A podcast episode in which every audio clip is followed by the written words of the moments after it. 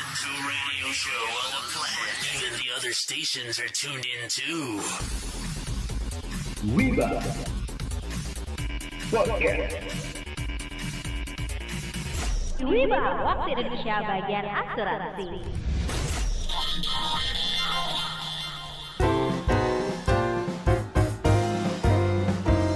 Hola Wibers Hola. Halo. Wibers, balik lagi nih di Wiba, waktu Indonesia bagian asuransi. Yang pastinya ngobrolin asuransi secara ringan tapi berbobot. Mm-mm. Kali ini kita ada di podcast Wiba bukan Gibah, episode Ke Jeng jeng jeng Gue lupa kan? Baru kemarin juga gue lupa lagi 26. Dua enam, wo. 26. Eh bukannya kemarin 26 ya Oh iya sekarang 26 ya Sekarang yang 26. Oh iya iya sorry sorry sorry gue lupa Berarti episode 26 Hore Uh, 26. Yeay. Nah Wibers, Wiba Podcast hadir menemani kamu setiap Sabtu sore jam 17.30 waktu Indonesia bagian Barat.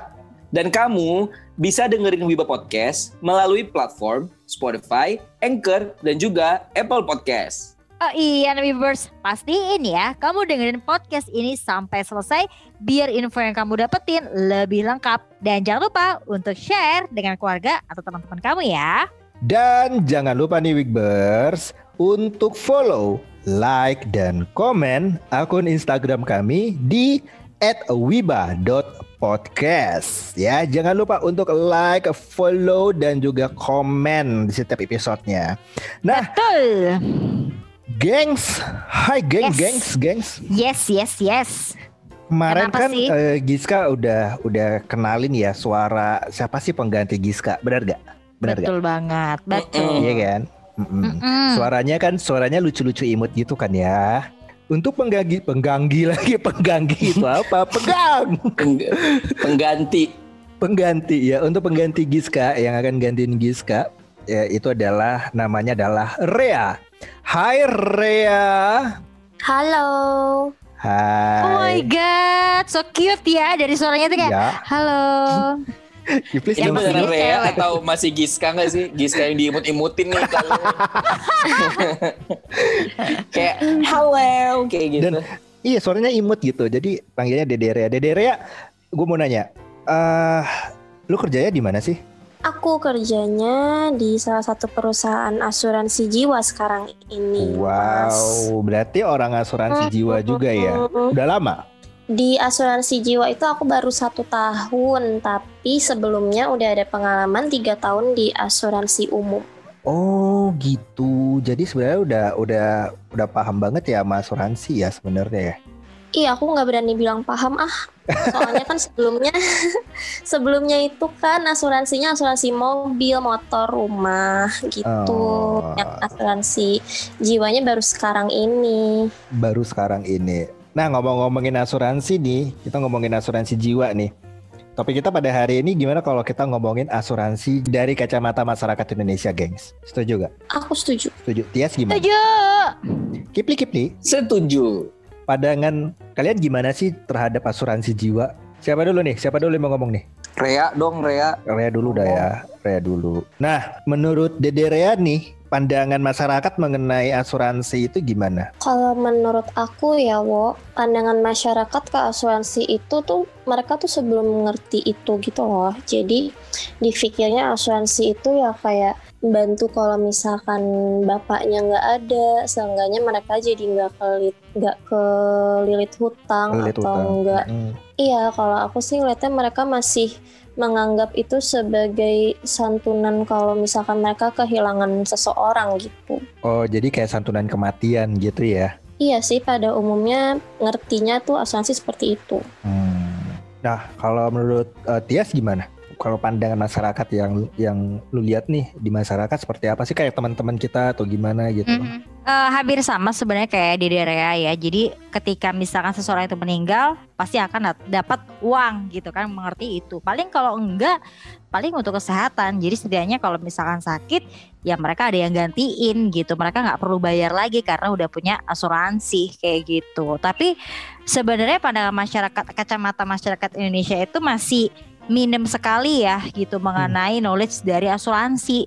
Jadi mereka itu beropini sendiri, mereka itu mempersepsikan asuransi itu sendiri tanpa mereka itu tahu asuransinya sebenarnya itu seperti apa, konsepnya bagaimana tuh mereka itu Hmm. belum ngerti banget gitu. Jadi belum oh ya udah beli asuransi nanti kalau misalkan berkata dari Rea seseorang misalkan sudah meninggal dunia nanti akan dapat uang. Kalau enggak ya kalau misalkan ketika sakit asuransi akan bayarin Mm-mm. gitu. Jadi hanya sekedar itu aja. Itu aja yang mereka tahu ya. Kalau kalau lu Kip gimana Kip? Yes, kalau menurut aku, eh menurut aku, menurut orang-orang di sekitar aku ya, Wo ya, yang aku rasain itu asuransi benar kata teman-teman tadi kurang dikenal kali ya untuk dari segi manfaatnya. Kalau asuransi sendiri mereka tahu nih, asuransi itu ini ini ini gitu ya, itu mereka ngerti. Apalagi kan kalau misalnya eh, di kota-kota besar orang-orang udah pada pakai asuransi sebenarnya. Kayak asuransi mobil misalnya gitu ya. Kalau udah bekerja dapat asuransi dari kantornya. Tapi kalau ditanya asuransi itu sebenarnya apa manfaatnya gitu yang paling taunya yang kayak dibilang sama Mbak Tias tadi eh, kalau meninggal dapat uang, kalau sakit nggak perlu bayar. Paling di situ doang sih penget- eh, apa pendapat masyarakat di situ sampai situ gitu. Belum yang eh, pemahamannya belum Belum aduh Bener ya. ngomong apa nih? Belum iya bener bener, loh. gitu Thank ya. you loh. banyak kan mereka itu ngelihatnya dari Google gitu kan, cuma nanya di Google gitu. Mhm. Atau kayak Mhm. beberapa episode yang lalu kan kayak Mbak Jarwo sendiri itu kan taunya asuransi kan untungin dia gitu kan, nabung nabung nabung nabung gitu. Iya, kan. dikira nabung ya, Wo ya. Ah, gitu. Nah, Hmm. sebelum gua ngasih pandangan gua nih yang lihat di masyarakat gitu kan men- eh, tentang asuransi. Ini juga ada nih kata Webers mengenai eh, asuransi jiwa. Kata Webers.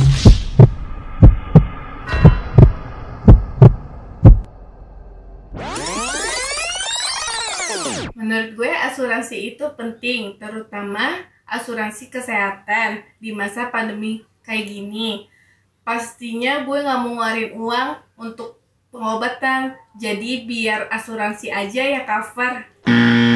Menurut saya, asuransi itu adalah perlindungan kepada diri kita dari resiko seperti kecelakaan, kesehatan, hingga sampai meninggal dunia.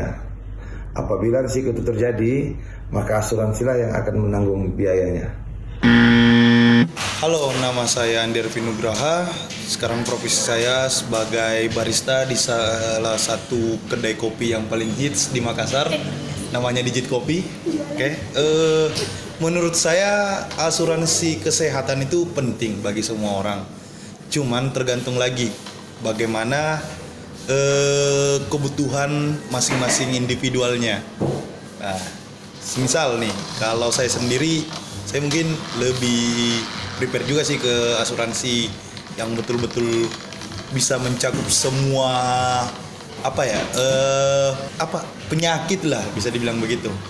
Apalagi mungkin menilik sedikit eh, kebiasaan saya yang masih kurang kurang baik lah dalam menjaga kesehatan seperti itu misalnya masih sering begadang atau bagaimana dan saya rasa buat ke depannya saya akan ambil asuransi kesehatan buat jaga-jaga nantinya. Karena mungkin oke di umur yang saya sekarang yang masih lumayan muda masih masih eh, eh, masih tergolong. Jaga-jaga nanti ke depannya. Maksudnya nanti di hari tua bagaimana pasti otomatis ketika kita masih muda dan tidak menjaga kesehatan otomatis imbasnya bakalan didapat ke ketika tua dan takutnya buat jaga-jaga juga buat eh, nanti keturunan biar nggak menyusahkan seperti itu.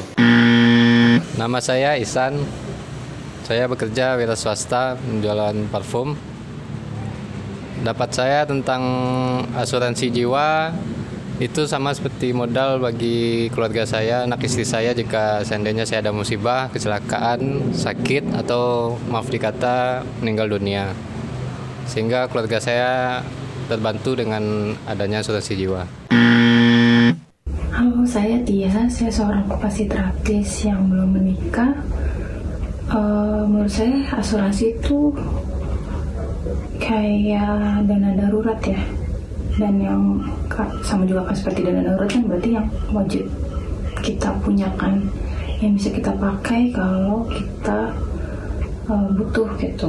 Kayak asuransi kesehatan ya berarti bisa saya pakai ketika saya sakit untuk berobat sampai saya sembuh seperti itu dan seperti yang tadi saya bilang karena saya menganggap seperti dana darurat ya berarti saya wajib punya asuransi itu sama seperti saya wajib punya dana darurat seperti itu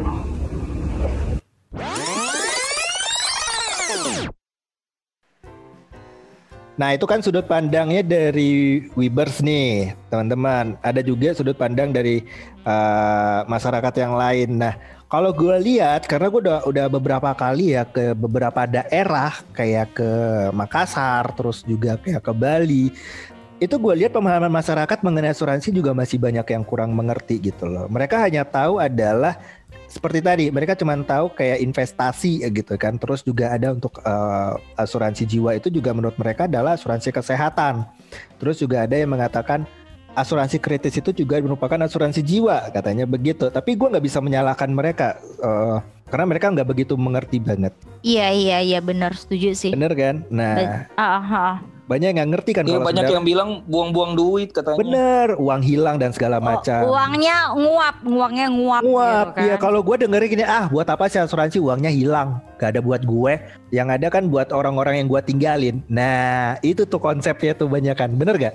Yes benar. Jadi uangnya nggak buat diri sendiri tapi buat orang lain. Buat orang lain Tapi baik lagi sih sebenarnya ya kenapa mereka punya pemikiran kayak gitu kayak mereka tuh kan seharusnya pengennya untung gitu kan kayak seolah-olah menabung Bener terus uh, uangnya itu bisa menghasilkan keuntungan bisa nambah intinya tuh kayak gitu padahal kan tuh beda banget nih sama konsep sesungguhnya tentang asuransi Wow, aku tapi boleh tanya nggak sih sebenarnya Hmm. asuransi tuh awalnya dari mana ya?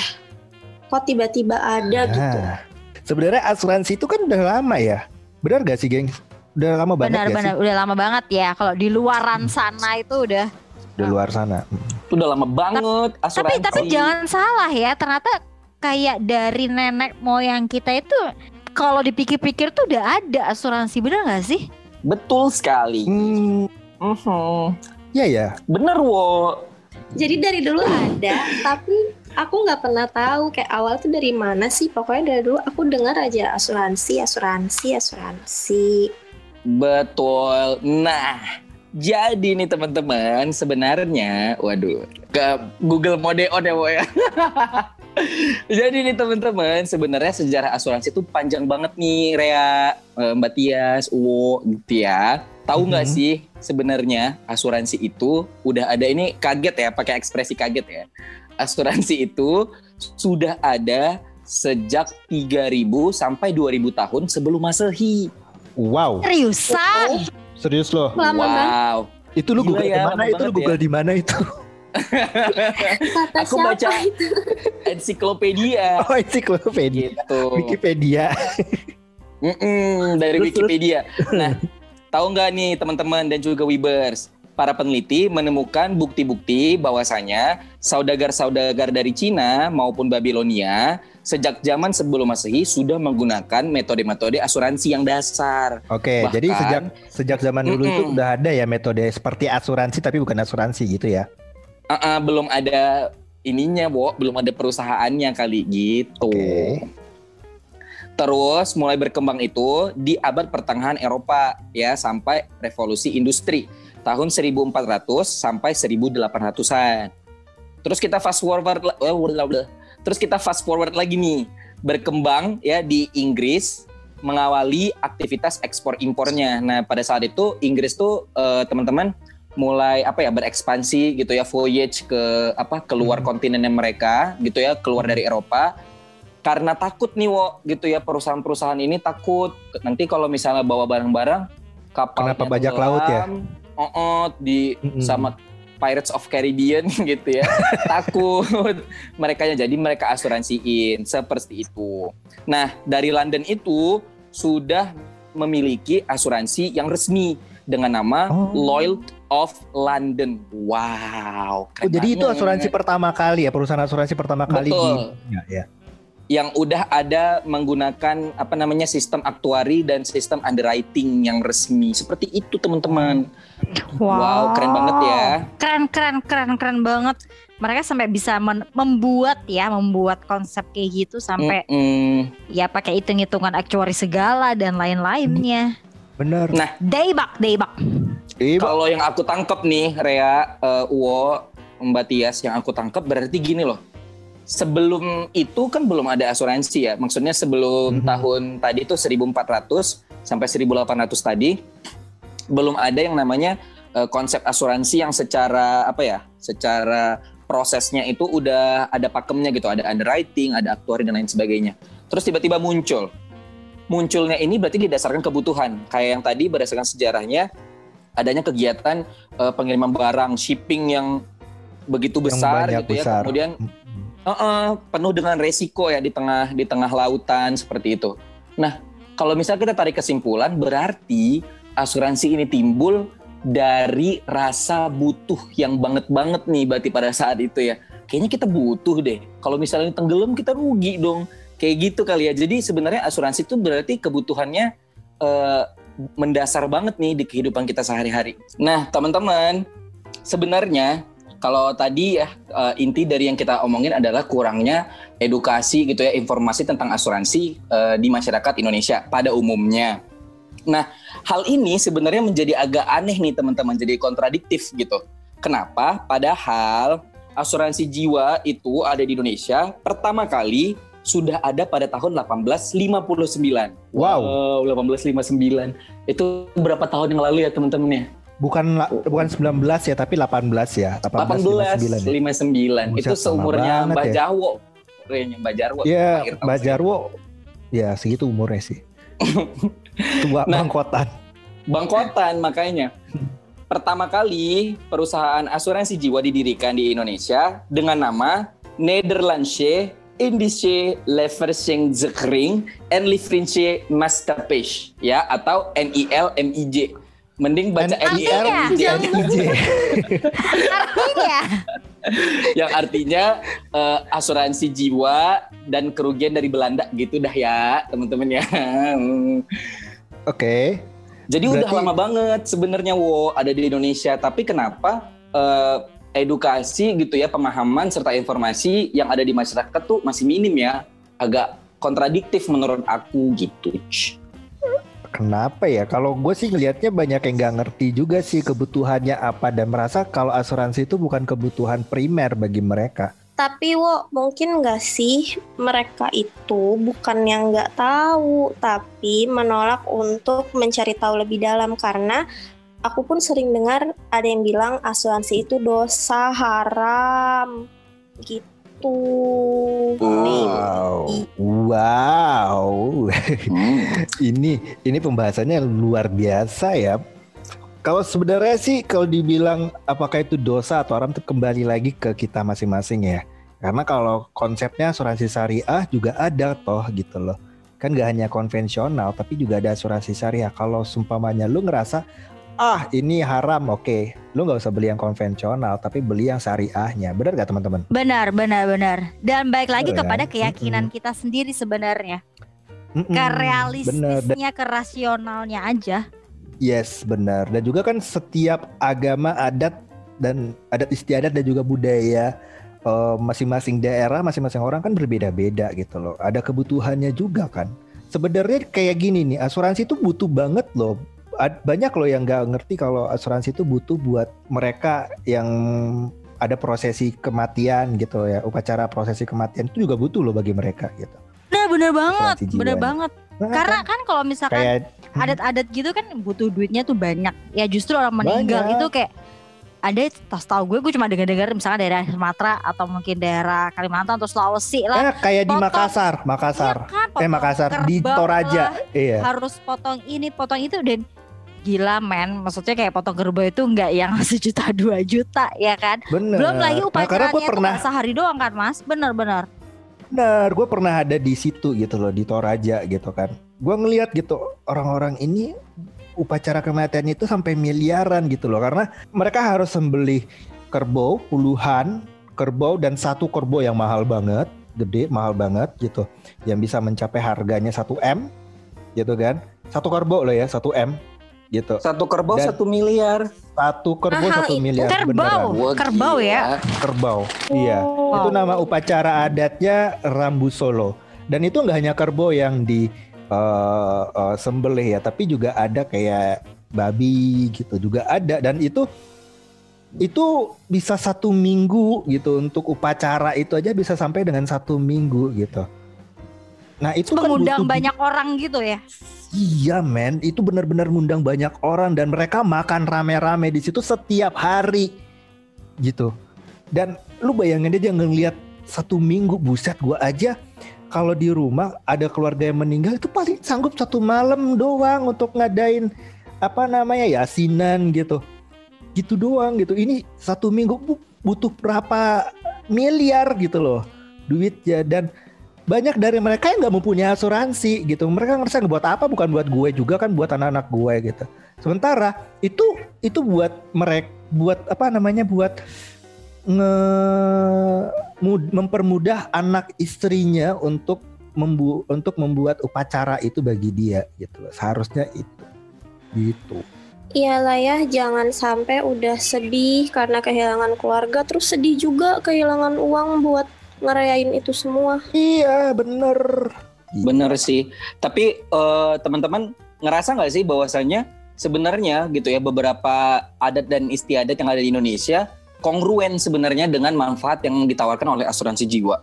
Kayak tadi nih, contohnya ada Rambu Solo dari Toraja. Benar. Nah, teman-teman, ini aku mau kasih informasi mengenai eh, adat istiadat yang upacara kematiannya itu sangat unik dan juga mengeluarkan eh, biaya yang cukup besar. Nah, yang pertama tentu aja ya yang udah disebutkan tadi Rambu Solo dari Toraja. Kemudian yang kedua ada ngaben dari Bali. Hmm, ya benar. Upacara ini adalah upacara kremasi wo sebenarnya yang identik dengan ajaran Hindu Mm-mm. seperti itu. Dana yang besar itu digunakan untuk pembuatan wadah ya yang bisa memakan puluhan juta sampai ratusan juta rupiah, sesajen juga pernak-pernik yang dibutuhkan sebagai syarat acara ngaben tadi. Wow, Wow. itu ngaben dari Bali. Nah, Bali, kita ya. geser ke Kalimantan nih, Wo. Oh Kalimantan ya. juga ada. Kalimantan juga ada ternyata teman-teman ya. Nama upacaranya upacara Tiwah dari suku Dayak. Orang Kalimantan Tengah pasti mengenal nih upacara kematian satu ini ya. Sama halnya nih teman-teman dengan upacara Rambu Solo dan Ngaben dari Bali tadi. Upacara kematian suku Dayak Ngaju ini adalah ritual mengantarkan keluarga ke peristirahatan terakhir mereka. Biasanya tiwah ini dibarengi dengan pemotongan ternak seperti babi dan kerbau dalam jumlah yang besar. Wow. Uh, mirip-mirip mas sama yang Mirip sama pertama ya. Toraja. Ah, ah. Mi kirain mirip-mirip sama kerbau aku. Enggak dong. Enggak dong. Intinya semuanya Nah, mirip butuh duit tuh? banyak. butuh duit Bener. banyak. Bener. Yang terakhir nih teman-teman dari tanahku ya dari Sumatera, Mangokal Holy dari suku Batak. Upacara kematian suku Batak merupakan salah satu upacara termahal di Indonesia teman-teman. Biasanya upacara ini terdiri dari dua rangkaian. Yang pertama saat keluarga meninggal dunia ya, yang ditinggalkan harus menyiapkan dana puluhan hingga ratusan juta rupiah untuk Wow. menyelenggarakan upacara minimumnya itu selama tiga hari. Wow. Wow.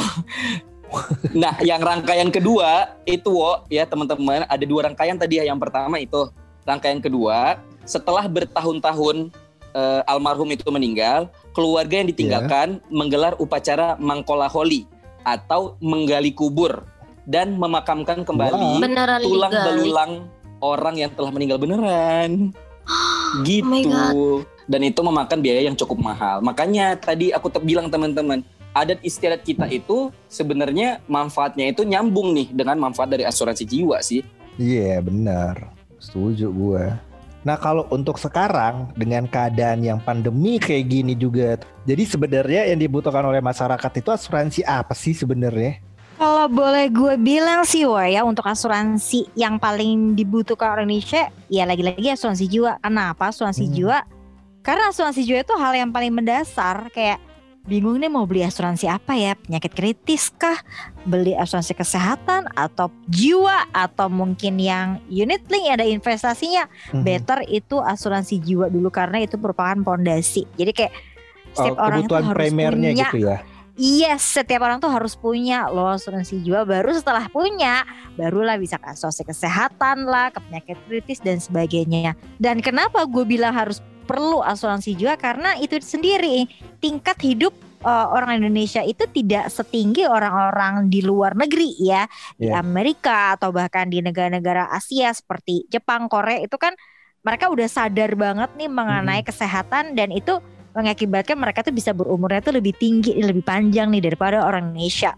Ya bukannya gue gimana-gimana, tapi ya memang itu sudah menjadi habit orang Indonesia dan itu common gitu terjadi kayak sedikit-sedikit makan junk food lah, olahraganya kurang lah, perokok aktif dan sebagainya ya akhirnya numpuk-numpuk-numpuk jadi penyakit dan itu bisa menyebabkan eh, tingkat hidupnya tuh lebih pendek, Pendek, kayak benar. gitu.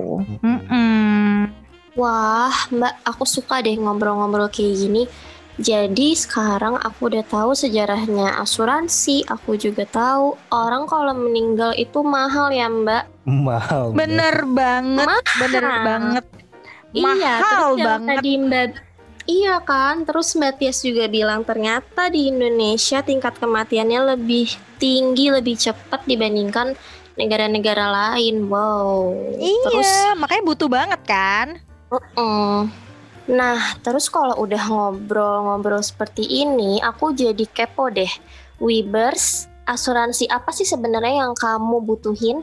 Boleh komen di IG kita ya. Thank you